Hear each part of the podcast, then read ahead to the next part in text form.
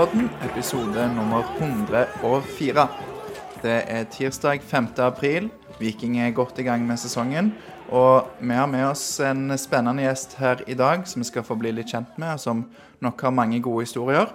Og da tenker jeg faktisk ikke på deg, Pål Jacobsen, som er supervikar i dag. Det kunne jo vært meg. Det kunne vært deg, men du òg hjertelig velkommen. Tusen takk. Ja, hvordan, hvordan er din dag i dag? Eh, ekstremt dårlig. Eh, kan kun gå én vei. Ja, for hva, em, hva skjedde egentlig i dag, Pål? Jeg starta dagen rett og slett med 6000 kroner i bot for gjennomkjøring. Eh, og det blir verre, eh, vil jeg nesten påstå. For det var på vei inn til barnehagen, så kom det blålys bak meg og blinkte. Eh, Det er jo kjipt i seg sjøl. det er kjipt i seg sjøl å få bot for å levere ungene i barnehagen, men, men det, den barnehagen er jo under Madlamark kirke. Så der sto jo Selvfølgelig var det påskegudstjeneste i dag, så der sto jo alle elevene mine og fikk dette med seg. Så eh, til de store glede. Så jeg tror de har hatt en fin dag. Så du sto og vinka der og Yes. Herlig. Nei, men, eh, men da er det jo godt at du får komme her og forhåpentligvis eh, løfte ditt humør, og forhåpentligvis andre òg. Ikke sant? Og da, jeg må jo, bare sånn jeg ikke glemmer det, da må jeg òg få nevne han. Han Ja. Tommy Stoltenberg som ga meg boten. Som eh, Hvem er Tommy Stoltenberg? Det er altså han i trafikksentralen på Aftenbladet. For han har da tre kamper for Viking. Ja. Så det er rett og slett fått bot av en tidligere vikingspiller i dag. Og med oss så har vi jo òg en som kanskje kan eh, kalles tidligere vikingspiller. Kanskje ikke mest kjent som det, men velkommen, Stian Refvik. Takk for det. Tidligere Og, vikingspiller. Passer det deg? Jeg har, eh, jeg har tre kamper som jeg fikk under Kjell Jonevret, eh, som var såkalte nabolagsmøter. Der vi under landslagspauser reiste rundt, besøkte klubber i distriktet og spilte kamper. Og i og med at det var landslagspause, så var jo ikke alltid vi hadde fulle tropper. Så da var jeg alltid med som en eh, nødløsning og ble brukt hele tre ganger. Fra start på benk, eller Jeg kom inn, så jeg har vel sikkert til sammen med spe all spilletiden er nok under 20 minutter. under 20. Men du har Men mål? Jeg har ett mål. Det har ikke Tommy Stoltenberg. Eh, nei, det tror jeg ikke, for han sto i mål. Ja, Herlig. Men eh, du er kanskje først og fremst kjent som materialforvalter i Viking og trener for SIF. Begge de to henger høyt, men i dag er du her som materialforvalter for Vikingstian. Ja, det henger litt høyere å være, være materialforvalter i Viking enn trener i SIF. Det er veldig gøy å være trener i SIF, men eh, det er Viking som er klubben min, og eh, jeg vil ikke kalle det jobb. Det er mer en livsstil. Det, det er liksom, du, du er på jobb fra du står opp om morgenen og egentlig til du legger deg. Det kommer telefoner, meldinger, eller at du bare treffer folk som, har lyst til å snakke Viking, og det er jo kjempekjekt. Til betalte livsstil. Hvis du kunne valgt hvor mange timer skulle det vært i et døgn? Hadde det, det kom an på døgnet, eh, men noen døgn kunne ha vært litt mer timer. Vi hadde en hektisk tur til Sarpsborg, blant annet. Men, eh, men det gikk fint. Eh, Vi, vi landa alltid på beina, heldigvis. Og hvor, eh, hvordan Altså, dette er jo da kanskje drømmejobben, vil noen si. Hvordan fikk du den, og hvor lenge har du hatt den? Og ja, hva er det viktigste du gjør i løpet av et år? Det er absolutt eh, drømmejobben. Det, jeg pleier å si det at for oss som aldri blir gode nok for å spille for Viking, så er det jo en drøm å kunne, kunne leve med Viking hver dag. Eh, det tar mye tid. det blir lange dager, men eh, når du vinner cupgull på Ullevål eller eh, opprykk eh, Slår Chelsea Jeg var med tilbake mot Chelsea jeg var med når vi, vi slo de på stadion. Så da er det jo helt fantastisk. Ja, så du har vært med lenge, rett og slett. vært med lenge. Begynte når jeg gikk på ungdomsskolen. Så har jeg en far, Isak Arne Refvik, som har spilt i Viking i mange år. Han var juniortrener på den tida sammen med Det var Geir Gudskjell på den tida. Jeg ble overlappa med, med Geir Lunde etter hvert. Eh, Men når jeg skulle ha arbeidsuke, da, så var jeg jo ikke i tvil at eh, det er jo jobb å være fotballspiller. Spør far klarer du å fikse noe. Så klarte han å, å få meg en plass sammen med, med Henry Hinna, som da var materialforvalter for Viking som gjorde at jeg fikk eh, ei uke sammen med han. Eh, Og det var jo kanonstas. Eh, Møtte opp på gamle Vikinghuset, fikk treningstøy på meg. Husker jeg en oppvarmingsøvelse med Benny Lennartson på grusen. Vi trente på grus. A-laget til Viking trente på grusen Oi, oi, oi. oppe på Stavanger stadion. Og jeg fikk være med på en øvelse der du skulle føre ball. Men med skeiva, eller han, som han sa, med venstrefoten Og lite visste han at jeg var jo venstrefota, så jeg gjorde meg ikke helt vekk. Så jeg var jo sånn godfølelse etterpå, helt til vi skulle gjøre det med høyrefoten. Da merka jo han at uh, OK, Reffingen er venstremager. Men uh, ja, det er stas. Og det var tilbake i uh, 2002. Så var jeg så heldig etterpå å få lov å være med Henry Hinna og, først og fremst hjelpe han litt uh, i helgene, og syntes det var kjempestas som uh, 13-14-åring. Eh, Etter hvert så ble det en liten sånn deltidsjobb å hjelpe han, og, og til slutt så fikk jeg jo lov å ta over etter han, da. Og ja, det har jo vært en drøm, for å være helt ærlig. Du har opp- og nedturer, men eh, det er jo Viking, så det er jo å få lov å ha Viking på maten hver dag er utrolig gøy. Ja, det, jeg har jo fulgt eh, Viking i mange år, og jeg har jo sett, eh, sett deg i, i TV-ruta og på ting Viking legger ut og sånn, og så har jeg tenkt at åh, det hadde vært eh, en gøy jobb. Så jeg tror det er nok mange som misunner deg litt, eh, litt det. Men eh, det virker som du er rett mann for jobben, for du får jo mye skrøyt av de som er i Viking. Vi stilte noen spørsmål til, til, til eh, trener og til to spillere når vi hadde siste hjemmekamp, og da skrøyta de veldig av deg. Så, så det er jo veldig kjekt. Jeg skal ikke spørre så mye om Vi skal ikke snakke så mye om hva liksom, jobben innebærer, for det kan være at det er ikke sånn det mest praktiske er det mest spennende, men vi har jo faktisk vært og fulgt deg eh, i forberedelsen til en kamp, som jo er en viktig del av jobben. Eh, men hvis du kan si kjapt sånn, hva er det viktigste du gjør og bidrar med i Viking? Jeg pleier å si det sjøl at det viktigste jeg gjør hver dag, det er at ting skal gå smertefritt for både spillere og trenere rundt A-laget. Så er det som du sier, den Jeg tror jeg gjør litt mer enn det som står i kontrakten min, men sånn har hele klubben blitt eh, de siste årene, at eh, folk gjør det som må gjøres for, at, for å hjelpe de rundt, da. For at vi som klubb skal bli best mulig. Og det ser vi jo store resultater på, eh, både på markedssida, selger som aldri før. Akademiet gjør en kjempejobb, får opp mye unge spillere som vi igjen selger videre. Og A-laget vårt har jo vært, eh, vært en drøm de siste årene. Eh, Og det er knallhard jobbing fra samtlige i klubben som, som ligger bak. Og det er folk med hjertet i Viking som jobber i Viking, og det, det tror jeg er hemmeligheten bak suksessen. Og så er det sånn, for å ta det litt sånn rent praktiske, så går jo en del i det å eh, vaske treningstøy og legge klart til trening og kamp. Bestille reiser eh, og sånne ting. Og være med og sette fram og på treningsfeltet og være en ekstra arm der. Ja, på treningsfeltet så er jeg litt mer jeg er til stede og hjelper med det som må gjøres. Så er det dager der jeg har det travelt og ikke kan være på feltet, men prøver å prioritere den tida på feltet fordi det er gøy å, å se de guttene trene, men òg for å hjelpe trenere og, og støtteapparat med, med de tingene der. Så du sier å få, vaska og klargjort treningstøy hver dag er, er viktig. Det går en del tid på det. Så er det å planlegge, booke reiser, men òg legge frem, klargjøre garderoben til kamp, som dere var med og, og fikk se før eh, siste hjemmekamp i fjor mot Odd, som ble en kanonkjekk kamp der vi sikra medaljen. Så det, det er varierte dager. Det er sjelden en dag er helt lik som dagen før. Og det kan være stressende, men òg veldig gøy. Ja. Og den, eh, det at vi fulgte deg dagen før kamp, det skal jo resultere i en video som foreløpig ikke er helt ferdig. Men eh, målet er jo at den skal være klar sånn at folk kan se den og varme opp til første hjemmekamp i denne sesongen, da. Så kanskje på torsdag eller fredag. Så Det er torsdag, da. Legger litt press på de der og sier sier torsdag. Gruppepress. Men det, det tar jo på å redigere en film med meg bra, så jeg skjønner jo at det tar tid. Du skulle bare visst. I forhold til, Det har jo kommet en del spørsmål. Jeg vet ikke om jeg kan bare kan ta det med en gang, for, for eh, det passer jo litt i forhold til det å være eh, materialforvalter. Eh, eh, Jan Godfrey, er det sånn vi uttaler det? Lars? Tror det. Ja, det er et kult navn. Veldig kult navn. Ja. Det er sånn internasjonalt. Han har da spurt på Twitter hva er det merkeligste materiellet du har forvalta. Går det an å svare? Oi, oi, oi. Det er spenstig, spenstig spørsmål. Hvis han mener rent sånn utstyrsmessig Nei, jeg vet ikke. Det er veldig sånn standard ting som vi har med drakter og alt dette her. eneste som har skjedd med årene, er jo at det bare kommer mye mer. Ofte ser du ting fra utlandet. Begynte med de der underskjortene. Før så hadde vi jo langarma drakter.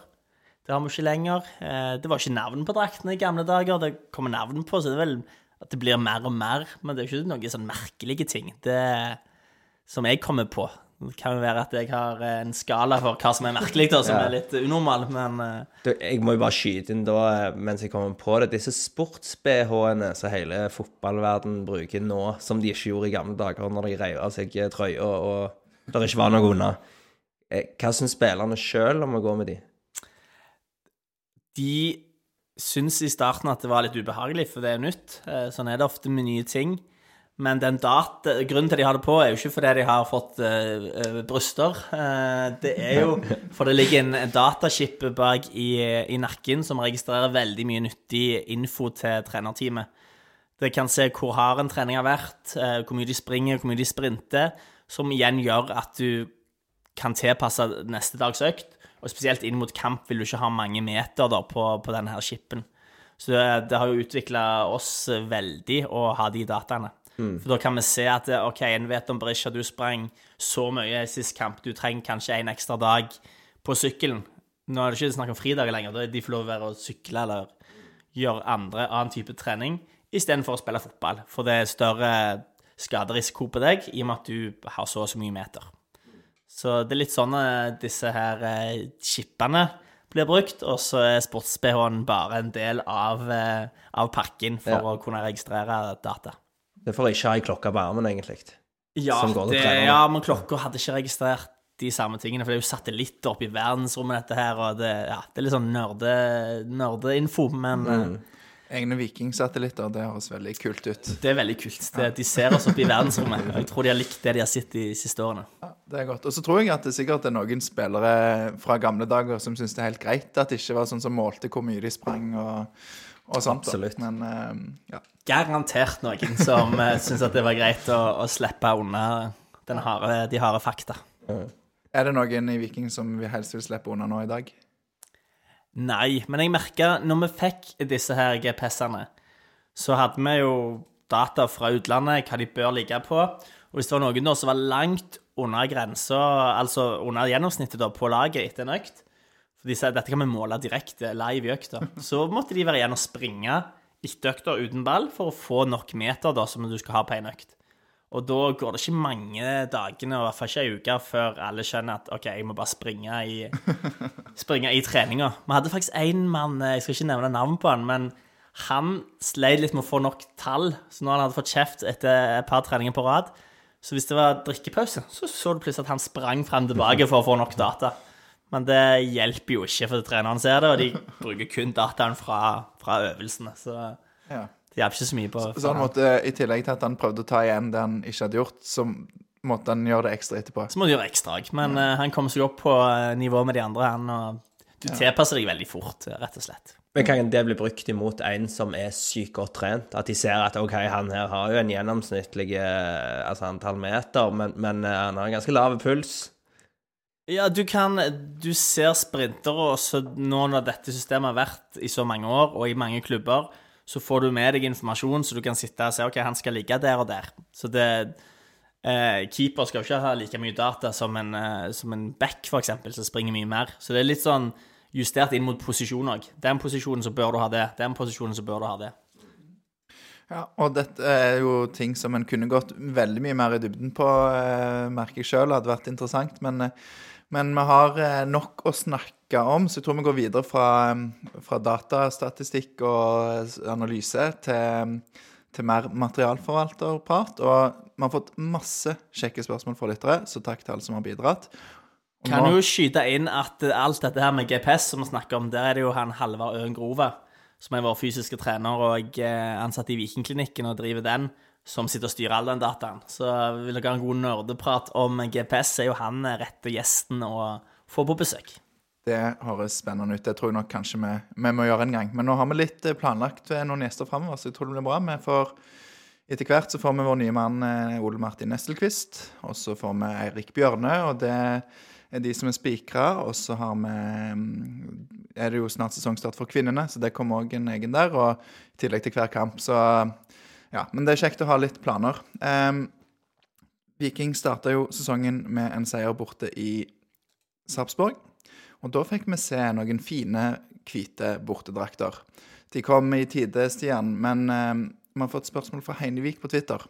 Han lurer på om det var du som måtte skrive inn alle navnene på bortedrakten. Heldigvis så trengte jeg kun å skrive navnet på den spilleren som skulle ha drakten. Jeg slapp å skrive alle de små navnene. Men den ble utrolig fin, og utrolig kult å, å, å gi en liten sånn gest til de som har støttet oss gjennom en pandemi. Og mange som ikke ville ha penger igjen for sesongkortet de hadde betalt for og ikke fikk brukt. Så det var jo utrolig rørende, og det er bare kjekt at vi kan, kan gi noe tilbake. Og en fun fact på den eh, bortedrakten er jo at eh, en av sesongkortholderne som har navnet sitt på eh, drakten, det er Vilja Vevatnet. Det er kult. Det er dritkult. Så han er, han er ekte viking. Nesten en sånn konkurranse om å, om å gjøre å finne han eh, først, da, for de som hører på. Um, ja, og Pål, bare kjapt, hva er disse her bortedraktene med alle disse navnene? Vi sier Vilje har navnet sitt på. Hva, hva er konseptet? Men- Konseptet er vel det, altså, sånn som brukt, brukt, eh, brukt på byggearbeid litt eh, rundt i regionen tidligere, at man takker de som har vært med å bidra. Og nå har det jo vært stramme år i, i, under pandemien, så, så det var vel før disse før den nye ordningen, så da var det jo vanlige sesongkort som folk kjøpte uten å få gå på kamp nødvendigvis. Ja, så alle de som da tegner abonnement med Viking pluss før en gitt dato i vinter, tror jeg, de har fått navnet sitt på drakta, i tillegg til sponsorer og, og andre bidragsytere. Så det, det er et gøy konsept, og jeg gleder meg til å se den i levende livet. Så dere har for mye skrøyt òg, altså Dere har for mye skrøyt i, nasjonalt òg. Det er jo ingen klubber som har gjort noe lignende. Nei, det er kjempekult. Og draktene generelt de siste årene har jo vært kjempekule. Så vi har jo en eh, fantastisk markedsavdeling som sitter og plukker ut designet sammen med, med draktsponsoren Diadora. Så draktene våre, ikke bare i år, men de siste åra har vært kjempekule og virkelig, eh, virkelig retta mot fansen. da. At uh, dette her skal være kult å se på, men òg kult å ha på seg. Uh, og vi vil jo at folk skal kle seg i viking. Det, ingenting er kulere. Ja, og det er gøy, og det er jo en sånn ting da med Diadora som vi har nå, har jo hatt de 11-12 år snart, og jeg vet ikke hvor lenge vi skal ha de, men det kan du kanskje svare på etterpå. Men sånn, det som er fint med å ha Diadora, er jo at vi slipper sånn katalogdrakter fra Adidas, sånn som vi ser eh, andre lag i Eliteserien har. Jeg så på Molde sin drakt, og så lurte jeg på om det var Molde eller Madla.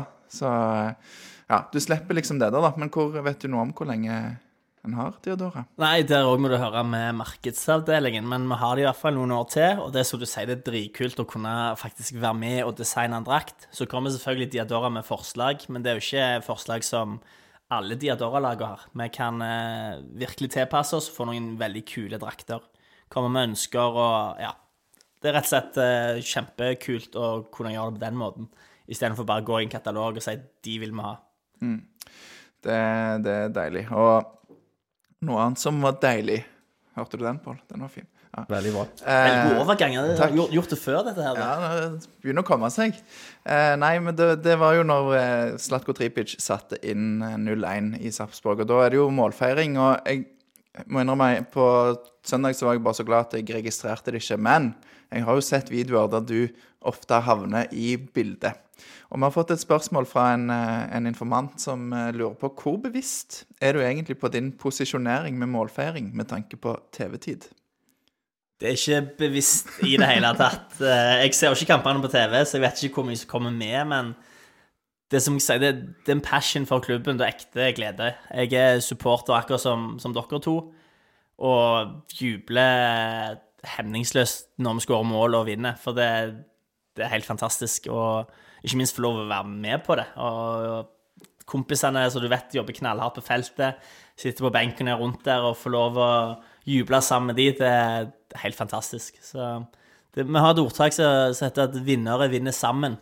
Eh, og det, det jobber vi virkelig etter i Viking. Som jeg sier, enten det, det er ikke bare A-laget som jobber sammen, det er hele klubben. Eh, og det er utrolig viktig for å lykkes. Og da er det ekstra gøy når vi får opplevelser som vi hadde på Ullevål i, i 2019. Det ingenting er kjekkere.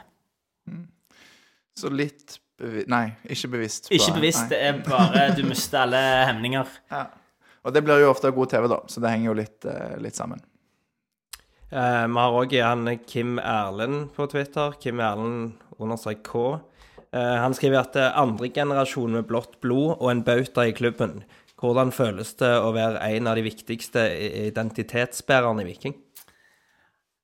Takk for fine ord, Kim Erlend. Jeg har mistanke om at det faktisk er en tidligere kompis som jeg har gått på Eller tidligere kompis, det er nåværende kompis, men tidligere Tidligere eh, klassekamerat som jeg eh, gikk eh, med på Kristian Lust, og òg har spilt fotball i Vaulen sammen med.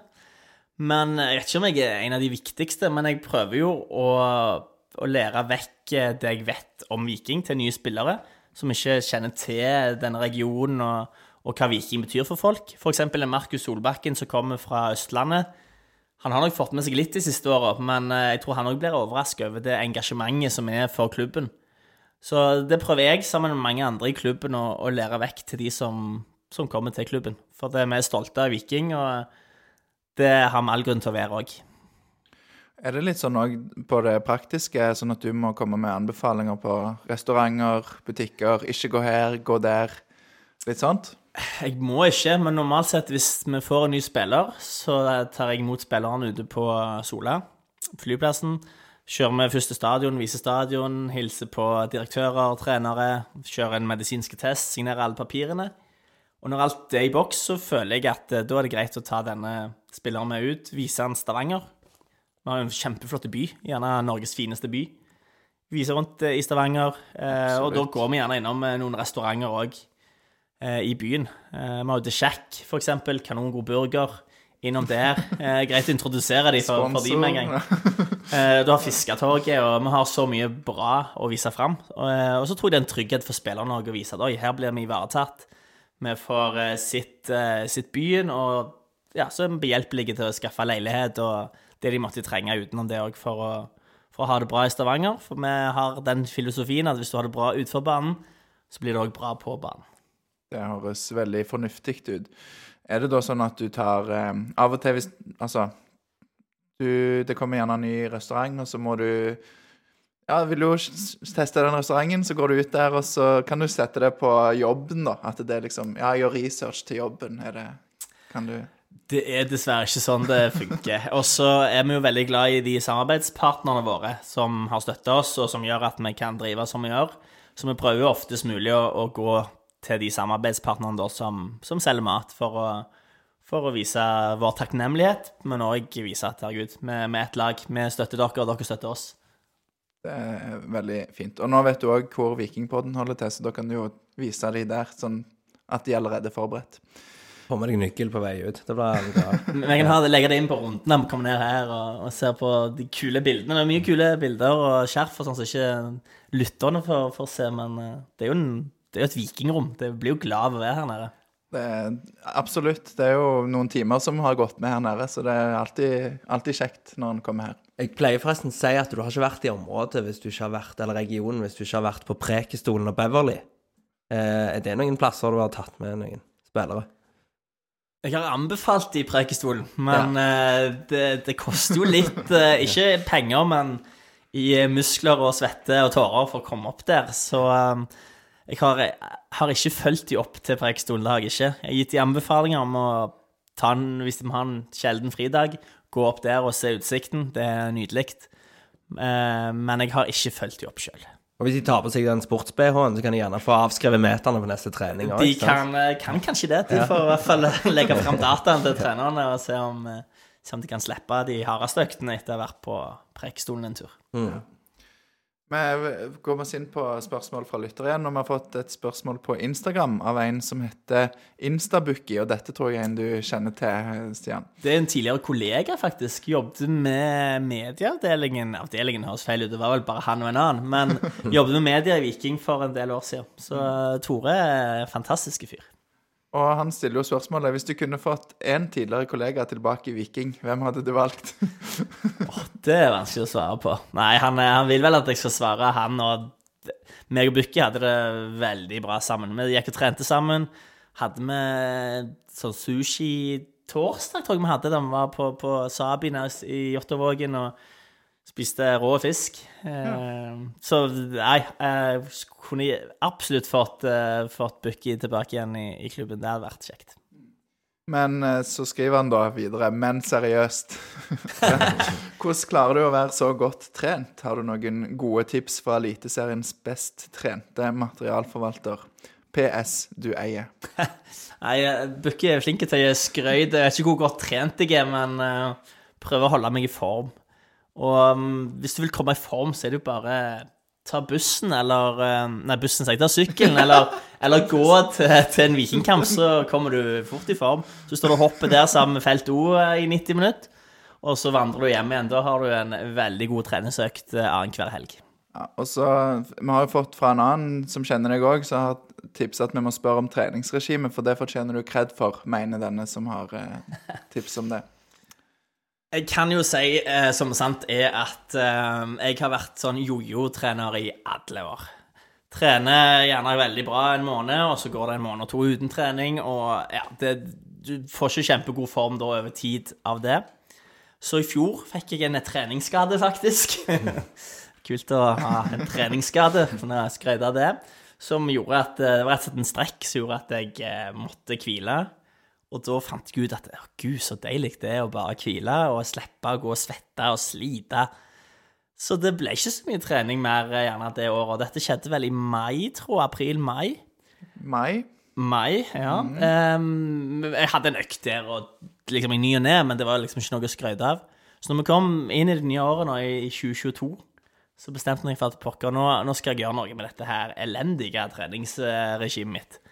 Så jeg skal ha 200 økter jeg i 2022. Helt hull i hodet.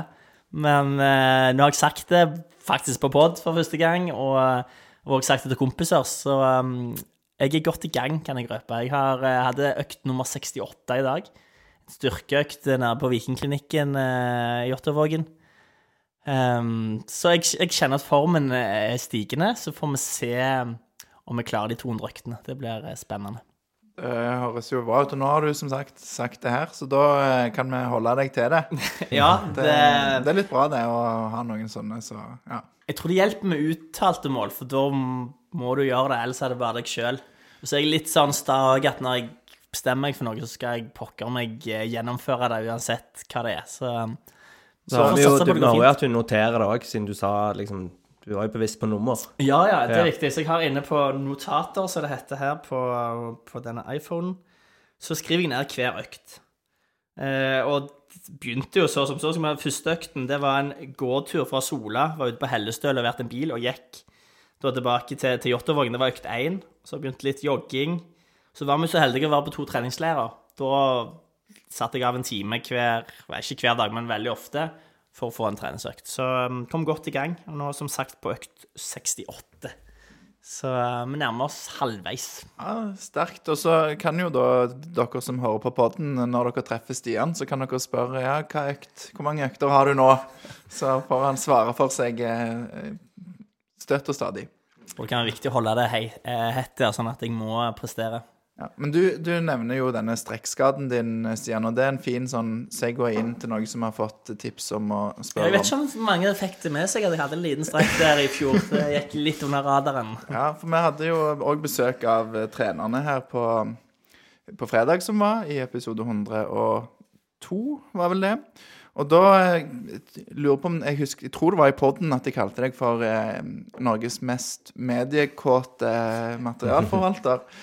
Ehm, og vi har også fått en faktisk fra en spiller som mener at du er ganske eh, Ikke mediesky, i hvert fall. eh, glad for å få være i, i rampelyset. Så hva var det som skjedde med denne strekken, eh, Stian? For det Jeg har fått det med meg. Jeg vet at det skjedde i mai. Jeg husker det. Hva, hvorfor husker jeg det? Tror du? Du har nok eh, Jeg lurer på om det var noen medier som tok tak i det. det jo, jeg trodde jo faktisk akillesen hadde røket. Det var jo brutalt. Vi har faktisk video Vi har sånn kamera på stadion, så vi har faktisk video av hendelsen. Eh, Ja, For det er på stadion. dette er på Ja, stadion. da må jeg skuffe deg litt, for da er det jo en arbeidsskade. Da er det arbeid- Ja, det er vel det. Kanskje. Nei da, det er vel begge deler. Begge deler. Men uansett, med å hjelpe eh, vår fantastiske keepertrener Kurt Hegre med å trene keeperne, og så plutselig bare smeller Jeg hører et smell, og tror egentlig først at det er en spiller som holder på bak, som har skjøt en ball eh, baksida av, av leggen min, men eh, det var jo ingen bak meg. Så når du ser videoen, så ser du at jeg kikker opp for å se hvem var det. Men det var ingen. Og da var jeg av. Heldigvis kun en veldig kraftig strekk. Noe av det verre de hadde, hadde sett, ifølge fysio Kenneth Rossbakk. Ja, Det sa de til meg òg. Så det, det, var, det var så vidt jeg klarte å stable meg på beina. Jeg måtte faktisk bruke krykker òg et par dager, men eh, beit hendene sammen og overlevde overraskende nok eh, denne her forferdelige hendelsen. Ja, det er vi alle glad for, men det som er litt spesielt, er at du tok kontakt med Kristoffer Knutsen i Rogalands Avis og fikk han til å komme ut til stadion ens ærend for å lage en sak. Eh, Ja, det er jo ikke helt sammen, men de fikk nuss i det, og eh, med en åpen klubb, det har styrene våre bestemt, så da stiller vi opp. Ja, det var altså en sak i Rogalands Avis der, eh, om Stian Refviks strekkskade, og det avslutta med, eh, med sitatet at heldigvis var det meg og ikke en av spillerne. Så takk for at du tok en for laget. Det er jo helt sant, for det var rett før første kamp mot Brann, så det er heller at jeg er ute enn at eh, en av de viktige spillerne er ute. Hvis vi går eh, litt tilbake i tid eh, en gang til, for vi har òg fått et lytterspørsmål fra Jørgen Våge Eike. Eh, han husker svært godt den dagen du fikk beskjed om at din tid i Viking var over. Og han husker enda bedre dagen enormt mange rundt klubben kjempa deg inn igjen. Og det han lurer på da, er hvilke følelser satt igjen etter en slik hendelse. Eh, oi, ja, det var en Det var en tøff dag. Eh, grunnen var jo at jeg, og, og var vel et par andre også, som måtte gå, var jo pga. økonomien på den Om tida. i 2016 2017 Nei, 16, eh, 16 stemmer. 2016 på sommeren der at vi får beskjed at oi, dette går ikke rundt. Eh, veldig tøff beskjed å få, for det, som jeg sier, det er jo, det er jo drømmejobben. Det er jo ikke en jobb engang. Det, det er liksom livet mitt. Så det var veldig tøft. Eh, Sperra meg inn i leiligheten her i Ottervågen og Eller spurte fint eh, Kjell Jonerett, som var trener, om jeg kunne få ta dagen, dagen fri. og Stengte meg inne, og det var bare mørkt. Eh, Så ringer det på døra. Der står Joakim Jørgensen, som spilte for oss på den tida, med, med to kaffe. Uh, og hadde en kjempeprat med han. Og etterpå, når spillerne med, med Iven Austbø i fronten der ga litt av sin lønn for at jeg i hvert fall kunne få en, en deltidsstilling i klubben, det var jo helt fantastisk. Og det gjorde at jeg fikk være med på, på logistikken rundt, rundt kampene. Pakket til alt som skulle på bortekamper, og fikk òg være med på hjemmekamper. Uh, som òg igjen resulter, eh, resulterte i at jeg fikk jobben tilbake da når økonomien bedra seg. Så det Hvor lenge, hvor lenge, Hva er tidsperspektivet der? Eh, jeg var vel ute For jeg hadde uansett ut den 20 2016-sesongen. Eh, og så gikk det vel ikke så lenge i, i januar før jeg var tilbake igjen. Litt sånn deltidsstilling. Og så den sommeren så fikk jeg på en måte De spurte vil du ha sommerjobb, jobbe fast. Og så bare fortsatte det videre. For da jobbet jeg som lærer oppe på Augland skole i, i mellomtida. Um, Ikke noe dårlig jobb, det heller, altså. Nei, jeg, jeg gikk jo på lærerskolen og syntes det er kjempekjekt å, å være lærer, og kjempekjekt å jobbe med, med barn og unge. Men uh, enda kjekkere å jobbe med Viking. Uh, så det var kjempekjekt å få jobben tilbake den sesongen der, som dessverre endte med nedrykk. Men etter nedrykket så har, eh, har klubben gjort mye rett, og gjør at vi per nå er en av Norges beste fotballag. Og det kan vi være kjempestolt av. Jeg husker dette her, og det, det er jo en holdt si, spesiell historie at spillerne tar lønnskutt for å være med og betale lønn. og Jeg vet ikke om det var noen, en samarbeidspartner òg til Viking inne i bildet der, men, eh, men uansett så sier jo det litt om standingen din i, i spillergruppa, da. Og. Ja, det, det er det beste komplimentet du kan få for en jobb, og det, det husker jeg på den dag i dag. og Spesielt når det er litt lange dager og sånt, så er det bare å huske tilbake på den hendelsen der. Så er det, så er det verdt alle de timene jeg bruker på klubben. Og så det, det har jeg jo tenkt litt på, for det, du begynte jo i jobben i 2002, var det det du sa? Jeg begynte jo ikke jobben, Sånn, da, men ja, det var sånn første gang jeg var med rundt, rundt klubben og mest hjalp Henry hinne. Så husker jeg ikke helt eh, nøyaktig dato på, på den deltidsjobben, men det var vel i 2013-2014 at jeg begynte med dette her på, på fulltid.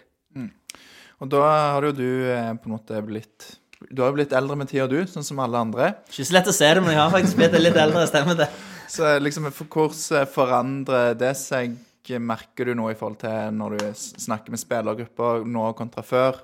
Altså, føler du Merker du det på noen måte? Er det annerledes? I, I starten, og i hvert fall når jeg var, var yngre og gikk på ungdomsskole og sånn, så var det jo gjerne litt mer sånn starstruck, selv om det er vanlige folk. Eh, mens nå så er det jo kompisene som er dermed tilbringer så mye tid sammen at det blir jo Kollegaer blir jo òg feil å si, det er jo mer en kompis.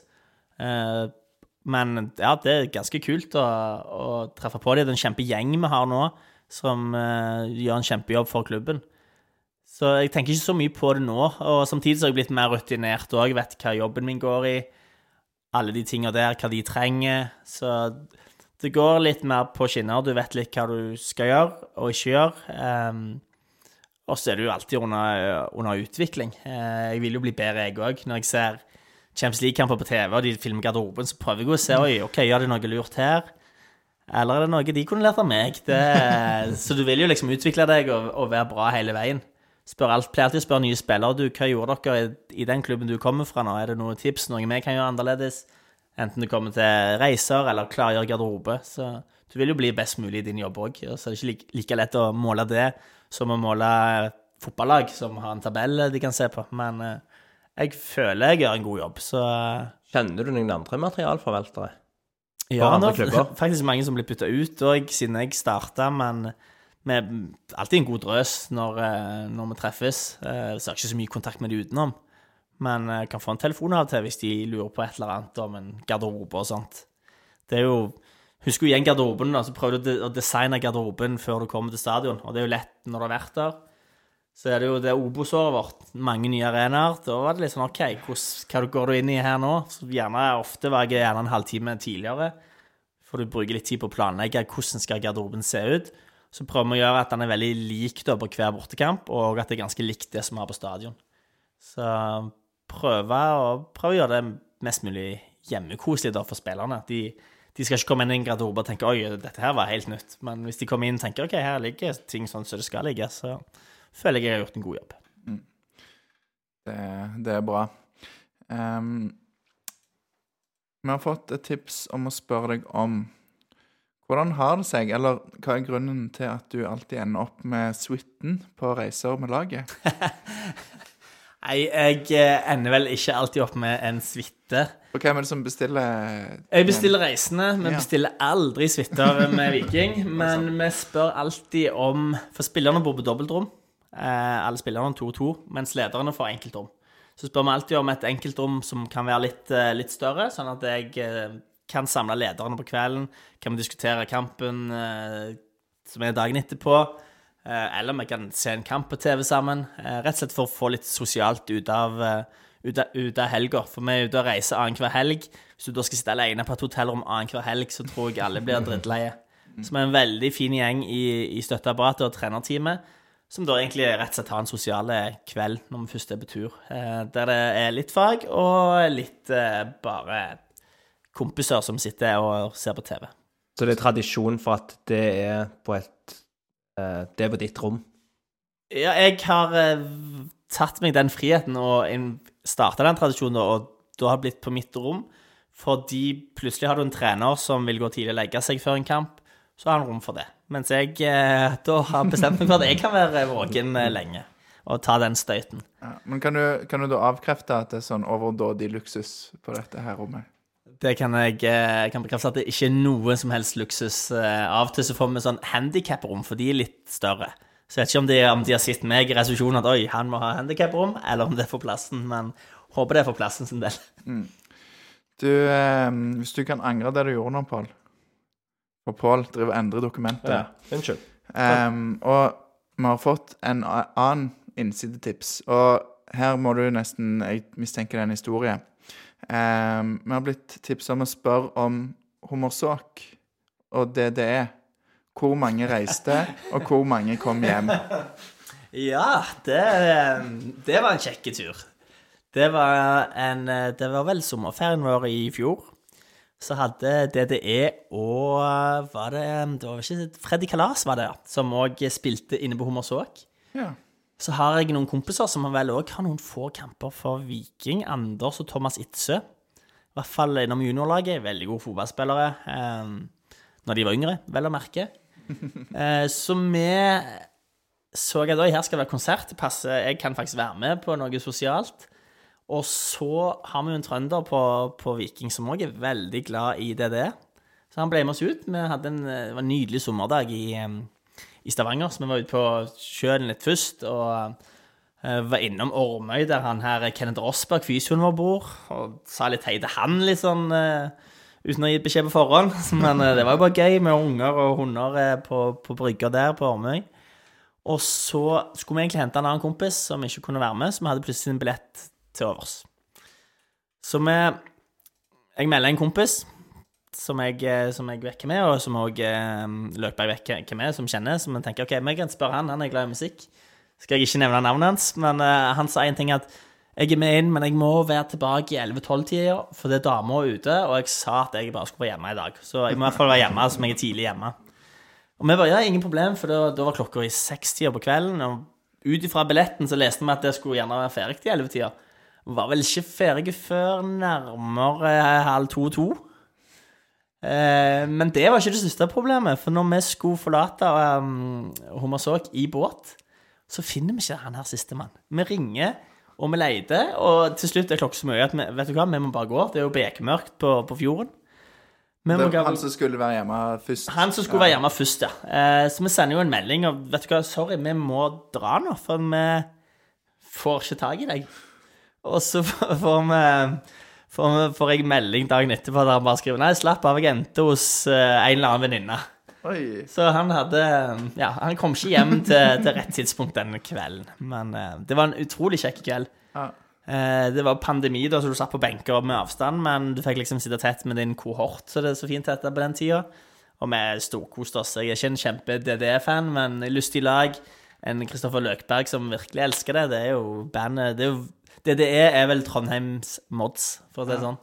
Så det var god stemning. Jeg kan tenke meg at Løkberg ikke satt stille i, eh, i stolen, holdt jeg på å si. Nei, det, det var litt dansing fra, fra benkene. Det var det. Det er godt at du stort sett på turer med Viking, så blir det vel eh, like mange med bort som hjem. Som regel så blir det det. faktisk. Nå på sist tur òg var vi faktisk to for få hjem enn det som reiste bort. Ja.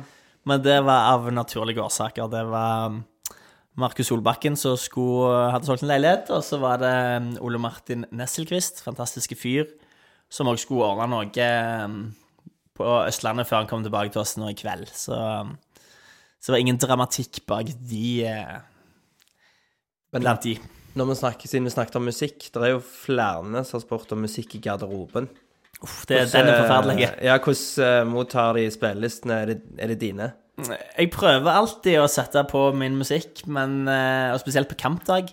Men det tar ikke mange minu- minuttene før de finner noe eget å høre på som ikke er bra i det hele tatt. Det er ikke musikk engang. Det er mye lyder og ja, nei, uff, Det er ikke bra i det hele tatt. Ja, for spørsmålet var vel formulert sånn Hvordan tror du sjøl at spillelsen spillelisten din er mottatt? Så det hørtes jo ikke sånn. Jeg tror noen av de skjønner at det, det er kvalitet bak det jeg hører, men det, de yngre de er litt uenige, tror jeg. De har, de har ikke peiling på musikk, så de tror det de hører på sjøl, er bedre enn det de får eh, fra meg. Ja. Men da trekker du deg inn i hula di, og så spiller du litt skambank der. Skambankt er bra, da Kvelertak eh, Ja, det er mye bra. Mye bra musikk fra Stavanger-regionen. Så, så det er kult. Keisers Orkestre har du.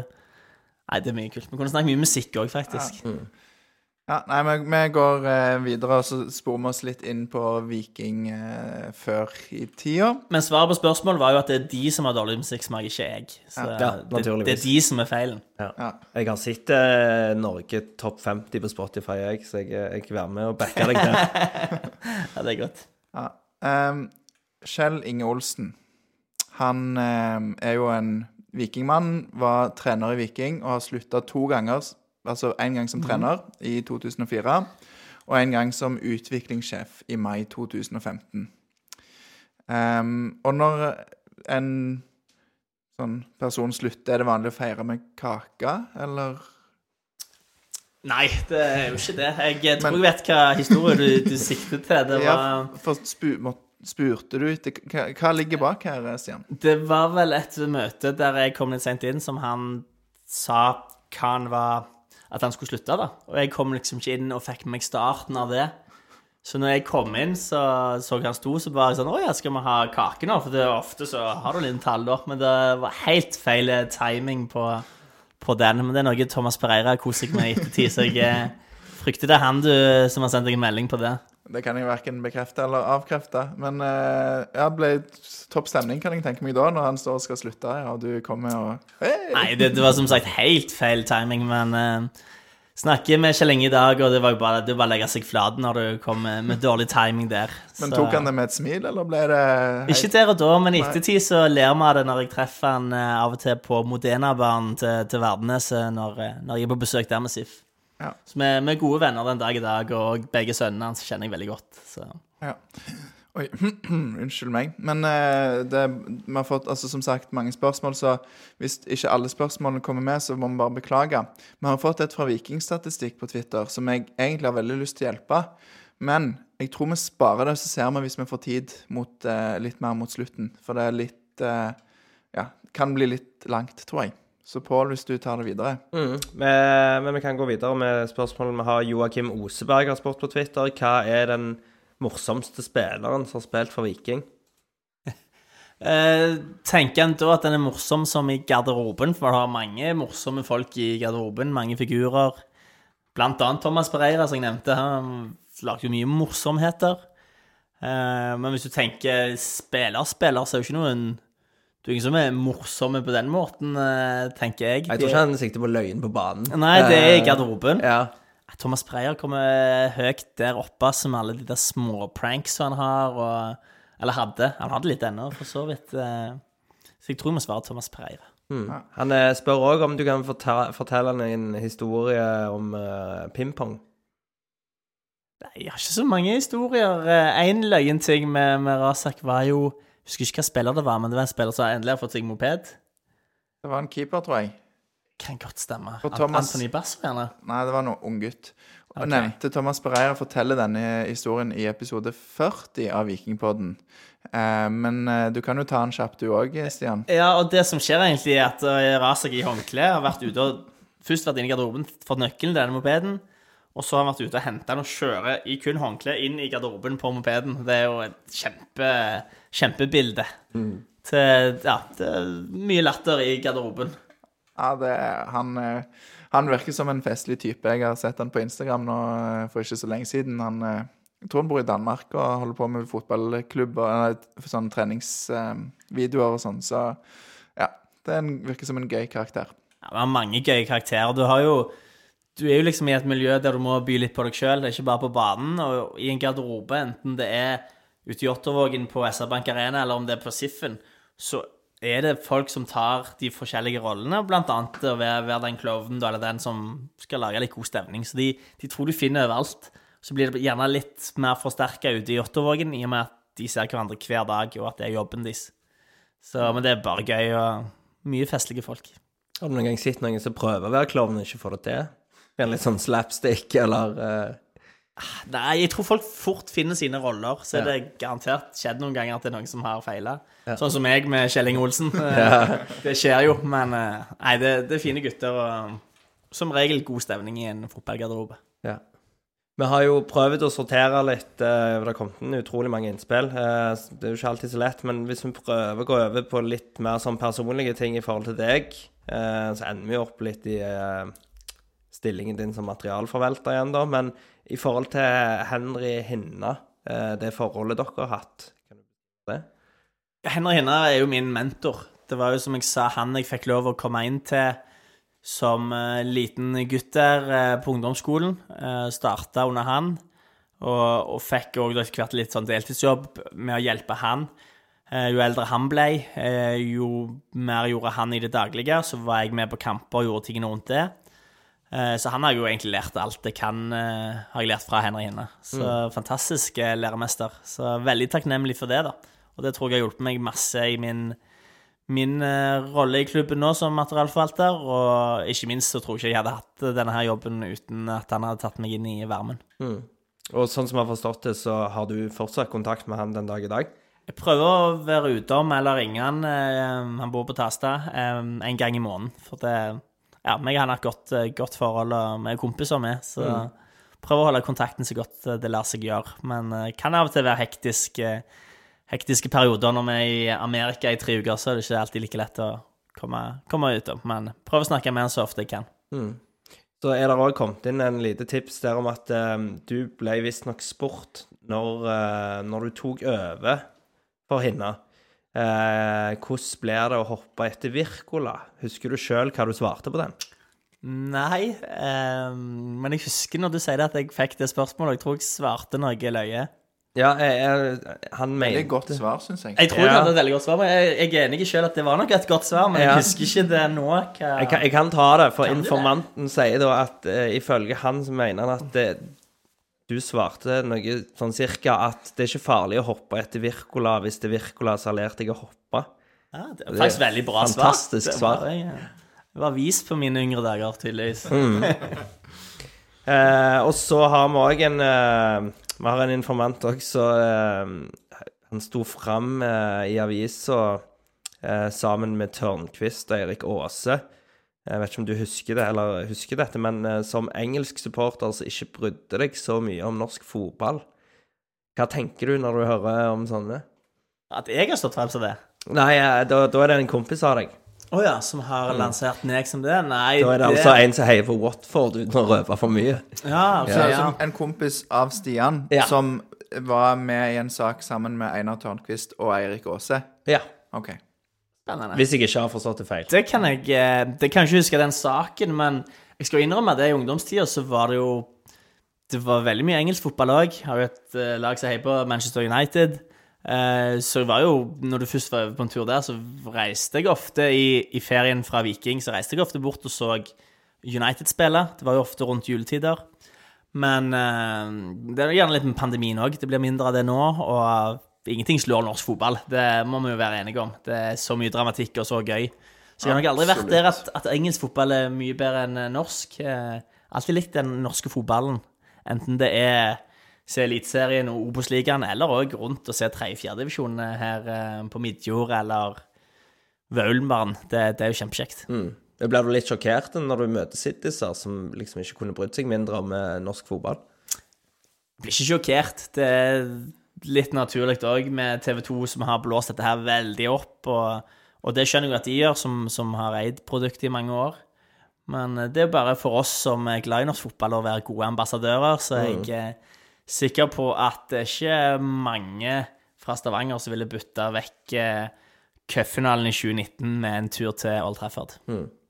Nei, det er sant. Eh, og så- men da er det en liten oppfordring inne der, føler jeg, at du må få med deg unge Haaland eh, på kamp.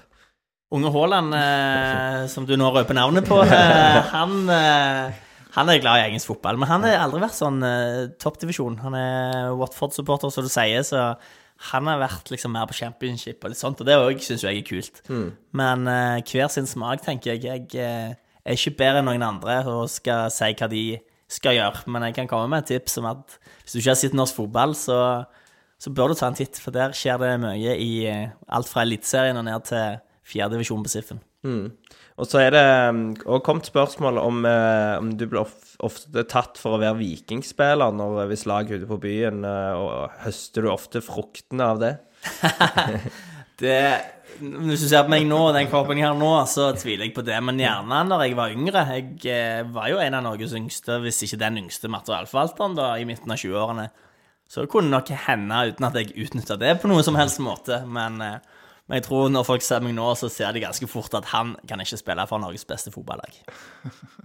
Eh, og så har vi òg eh, Ryger eh, på Twitter, Citysfan. Eh, han spør eh, om du Så kan språket hennes. Ja, det, det er unger som hører på dette her, vet du. Eh, snakk litt om faren. Eh, og eh, var unge Stian like lovende i ungdommen som pappa? Det tror jeg ikke. Uh, Fattern fikk jo syv landskamper for Norge. Han er vel inne på topp ti-lista over mest antall kamper for Viking. Eh, jeg med mine tre kamper for Viking er jo ikke inne på den lista. Jeg tror jeg var helt OK. Eh, veldig god venstrefot. eh, likte god takling og to og voldsom innsats, men eh, jeg var nok aldri i nærheten av å bli, bli fast på, på Viking sin, eh, sin start-elver. Og da er det jo litt som jeg sier, hvis Drømmen var jo alltid å bli vikingspiller, men når jeg ikke klarte det, så er jo drømmen å få lov å leve med Viking hver dag eh, i den jobben jeg gjør nå. Og den kan jeg jo, når jeg sitter i ettertid, så får jeg jo gjort den jobben mange flere år enn som en spiller. Så jeg har det ganske godt sånn som jeg har det nå. Og far min var som sagt veldig bra, så skal godt gjøres å overgå det han, eh, han presterte. Det er jo da, Du nevnte han jo tidligere i episoden, men det er Isak Arne Arne Refvik.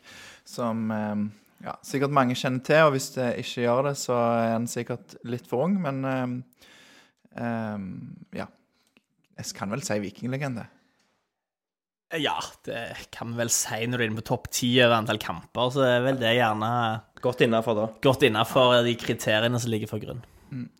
Daniel eh, Josang på Twitter, nei, Instagram, unnskyld, han har eh, stilt spørsmålet hva betyr supporterne for deg? Og Du sa jo selv du er en supporter sjøl, men du er jo òg på innsida, så jeg vet ikke om du kan dele noen tanker rundt det? Til syvende og sist, som du sier, så er jeg jo supporter sjøl. Jeg tror ikke jeg kunne gjort jobben uten å ha vært eh, så glad i Viking sjøl. Jeg kunne liksom ikke bare reist opp til Rosenborg eller Molde og gjort den samme jobben, for da mangler du en passion for det du gjør, og da hadde ikke jeg brukt så mye timer på, på en av de to nevnte klubbene der. Men i Viking, jeg er supporter, så jeg er jo kanonglad i supporterne. Det, jeg føler meg som en av de, så får jeg jo dessverre ikke stått sammen med de eh, verken på felt O her på SR Bank Arena eller bortefeltet når vi er rundt og reiser i Norge, men eh, det ser kanonkjekt ut, og heldigvis så er jeg så heldig å få lov å være med og takke de etter kampen. eh, Det setter jeg jo stor pris på, men jeg er først og fremst Viking-supporter, så jeg er bare heldig å ha fått den jobben jeg har.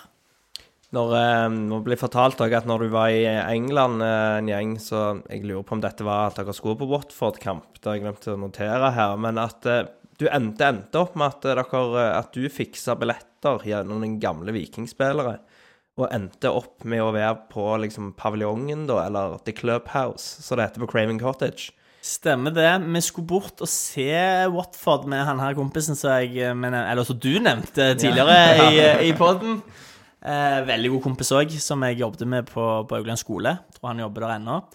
Eh, og da var planen bort, min første englandstur egentlig, bort og se laget hans, Watford. Ehm, men de var bedre enn han trodde på den tida, så de hadde jo klart å karre seg videre i cupen. Og så fikk de jo selvfølgelig ikke hjemmekamp, de skulle opp til Newcastle eller noe sånt. Så akkurat den planen om å se um, Watford, den røyk. Eh, men jeg kjente jo litt til Erik Nevland, som nå er sportsdirektør, som spilte i Viking. Han spilte da i Fulham, så jeg spurte han egentlig bare ganske enkelt Du, vi har lyst på kamp, klarer du å fikse tre billetter som jeg kan kjøpe? Og Erik, så snill og grei han er, sa at nei, vet du hva, jeg skal ikke ha kroner for det. Jeg fikser billetter, ligger på mitt navn eh, på Craven Cottage. Og vi var kjempe. Så vi kommer på, til Craven Cottage eh, i London. Eh, sier navnet til Erik med tre billetter, ja, ingen problem. Og så går vi rundt stadion sikkert to eller tre ganger, finner ikke inngangen. Så til slutt må vi spørre en av vaktene du, vi, finner ikke inngangen her.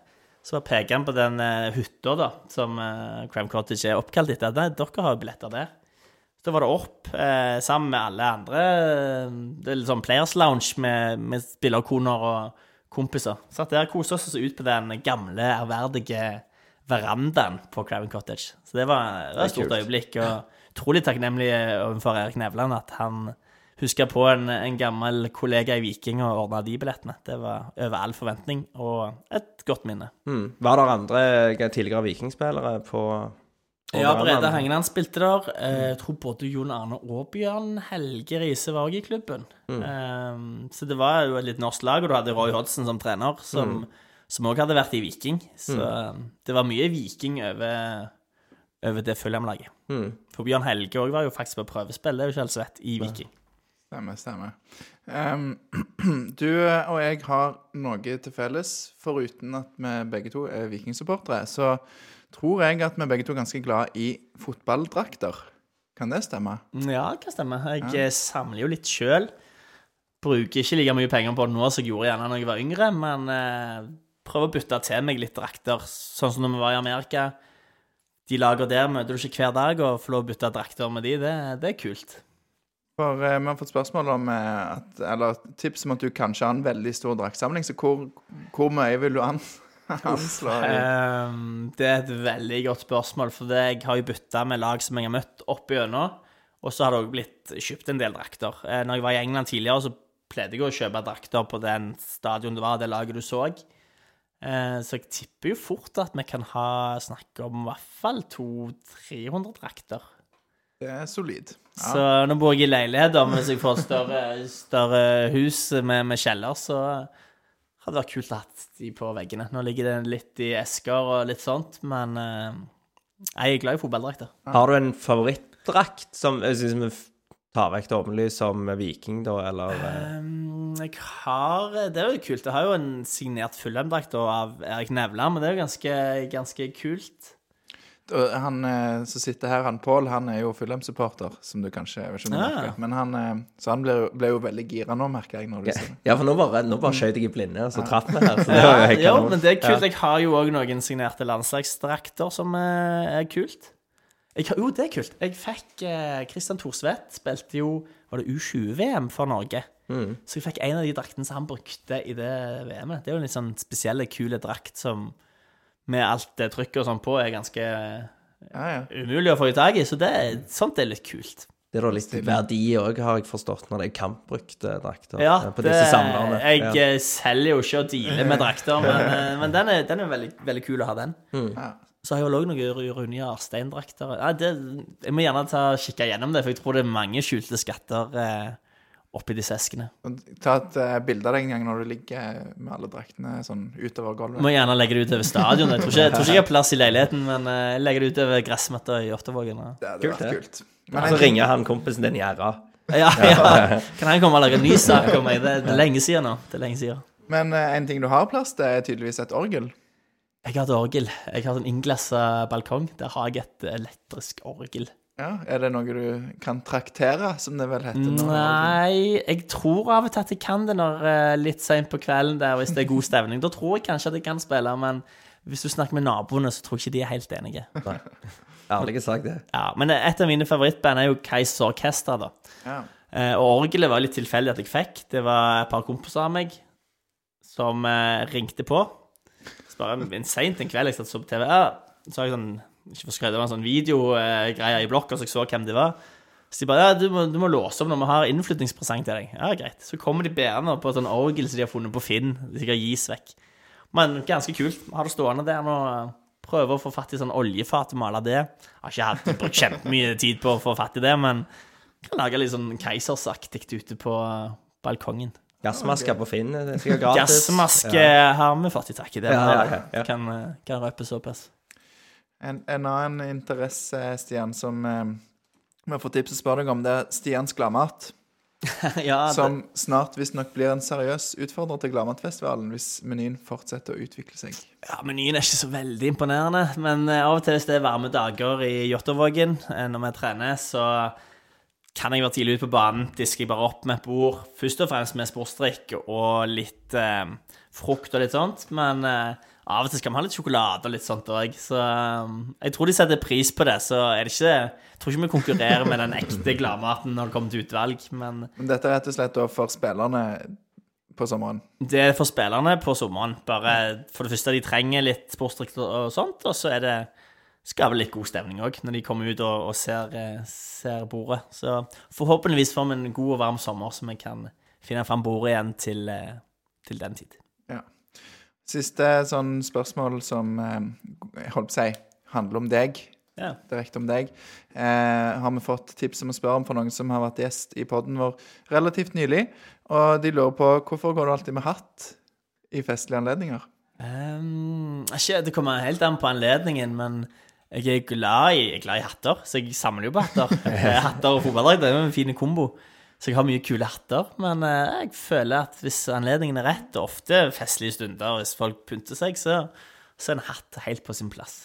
Har du, har du andre ting du samler på, men bare som har dekket det området? Ja, ja, nei, ikke som jeg kommer på. Kan jo godt være, uh, hvis vi kommer inn på det. Men uh, Gullmedaljer. Ja. gullmedaljer samler jeg på. Gullmedaljer er gode minner. Det, det samler vi på. Ja, det, det er godt.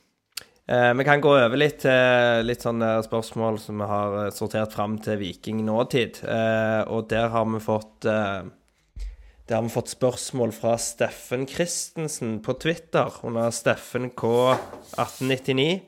Eh, hvem er den særeste inne i garderoben når det gjelder ritualer før kamp?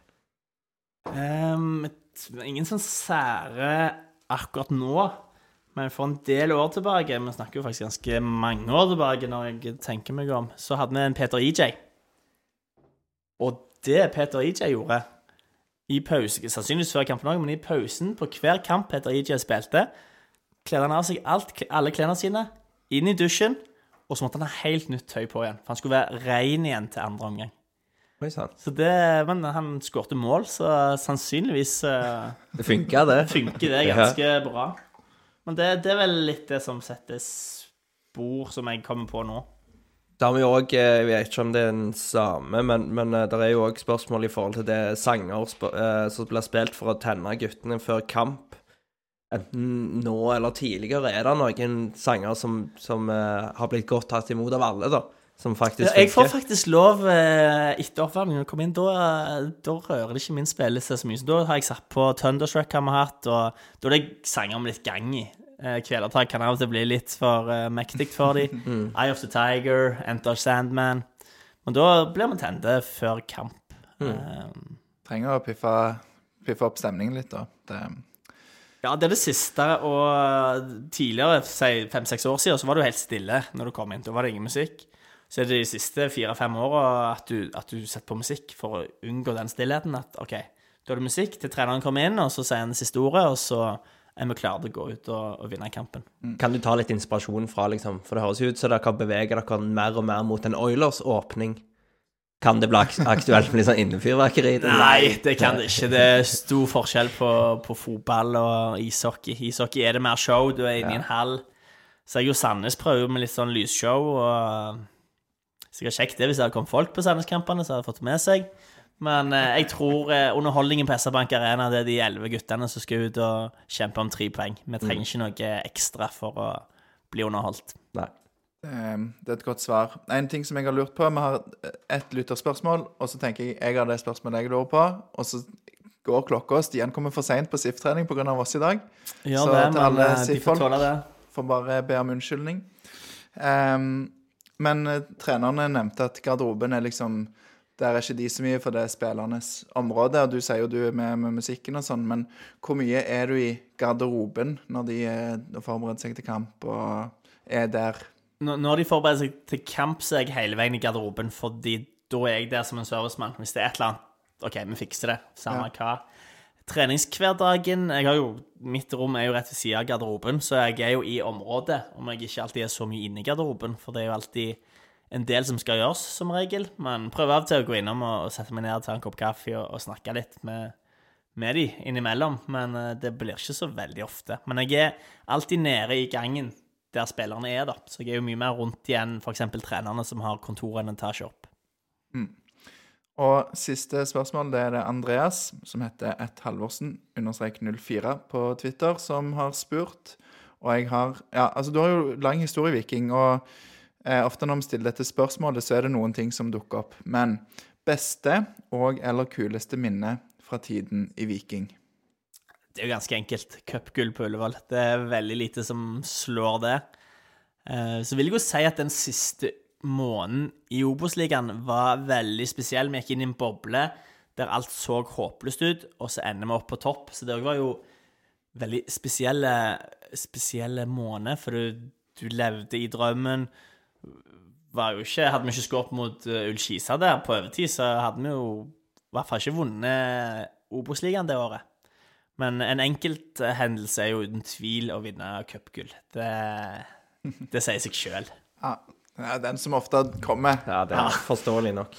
Eh, det skjønner jeg godt, og det Du får jo være med på det bildet og være med på alt, så det virker sykt kult. det? Jeg jo veierne i nærheten Jeg på tror, bildet. jeg, jeg mener jeg så et bilde av deg som faktisk holdt eh, pokalen. Kan være det.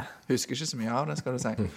Neida. Nei Nei, men veldig kjekt, Stian. Helt til slutt så um, forsto jeg at du har, har tatt med deg noe til oss Ja, i vet dag. du hva? Det, er her, det her var litt spennende. Jeg glemte jo helt ut. Det har vært så gøy. Du, jeg har med en premie til en konkurranse som er en kampbrukt, eh, signert eh, eliteserieball fra i fjor.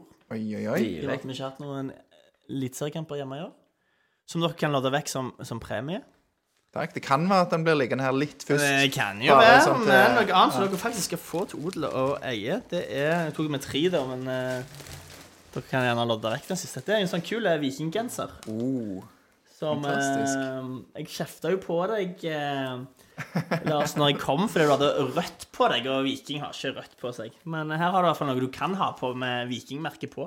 Tusen Så takk. Stian. Dette er stas. Vi er veldig glad i viking, eh, vikingklær her i poden, så denne skal jeg tror jeg skal faktisk ta den på i morgen på jobb. Så, Så bare kan du hive den røde. Og så kan du få Det er jo dyrt med, med bæreposer nå for tida, så du kan få bæreposen òg. Koster vel tre kroner, tror jeg, nå i butikk. Så, ja, luksus. så da skal du faktisk få den av meg. Det kan jeg eh, by deg på. Takk, Stian. Ja, um.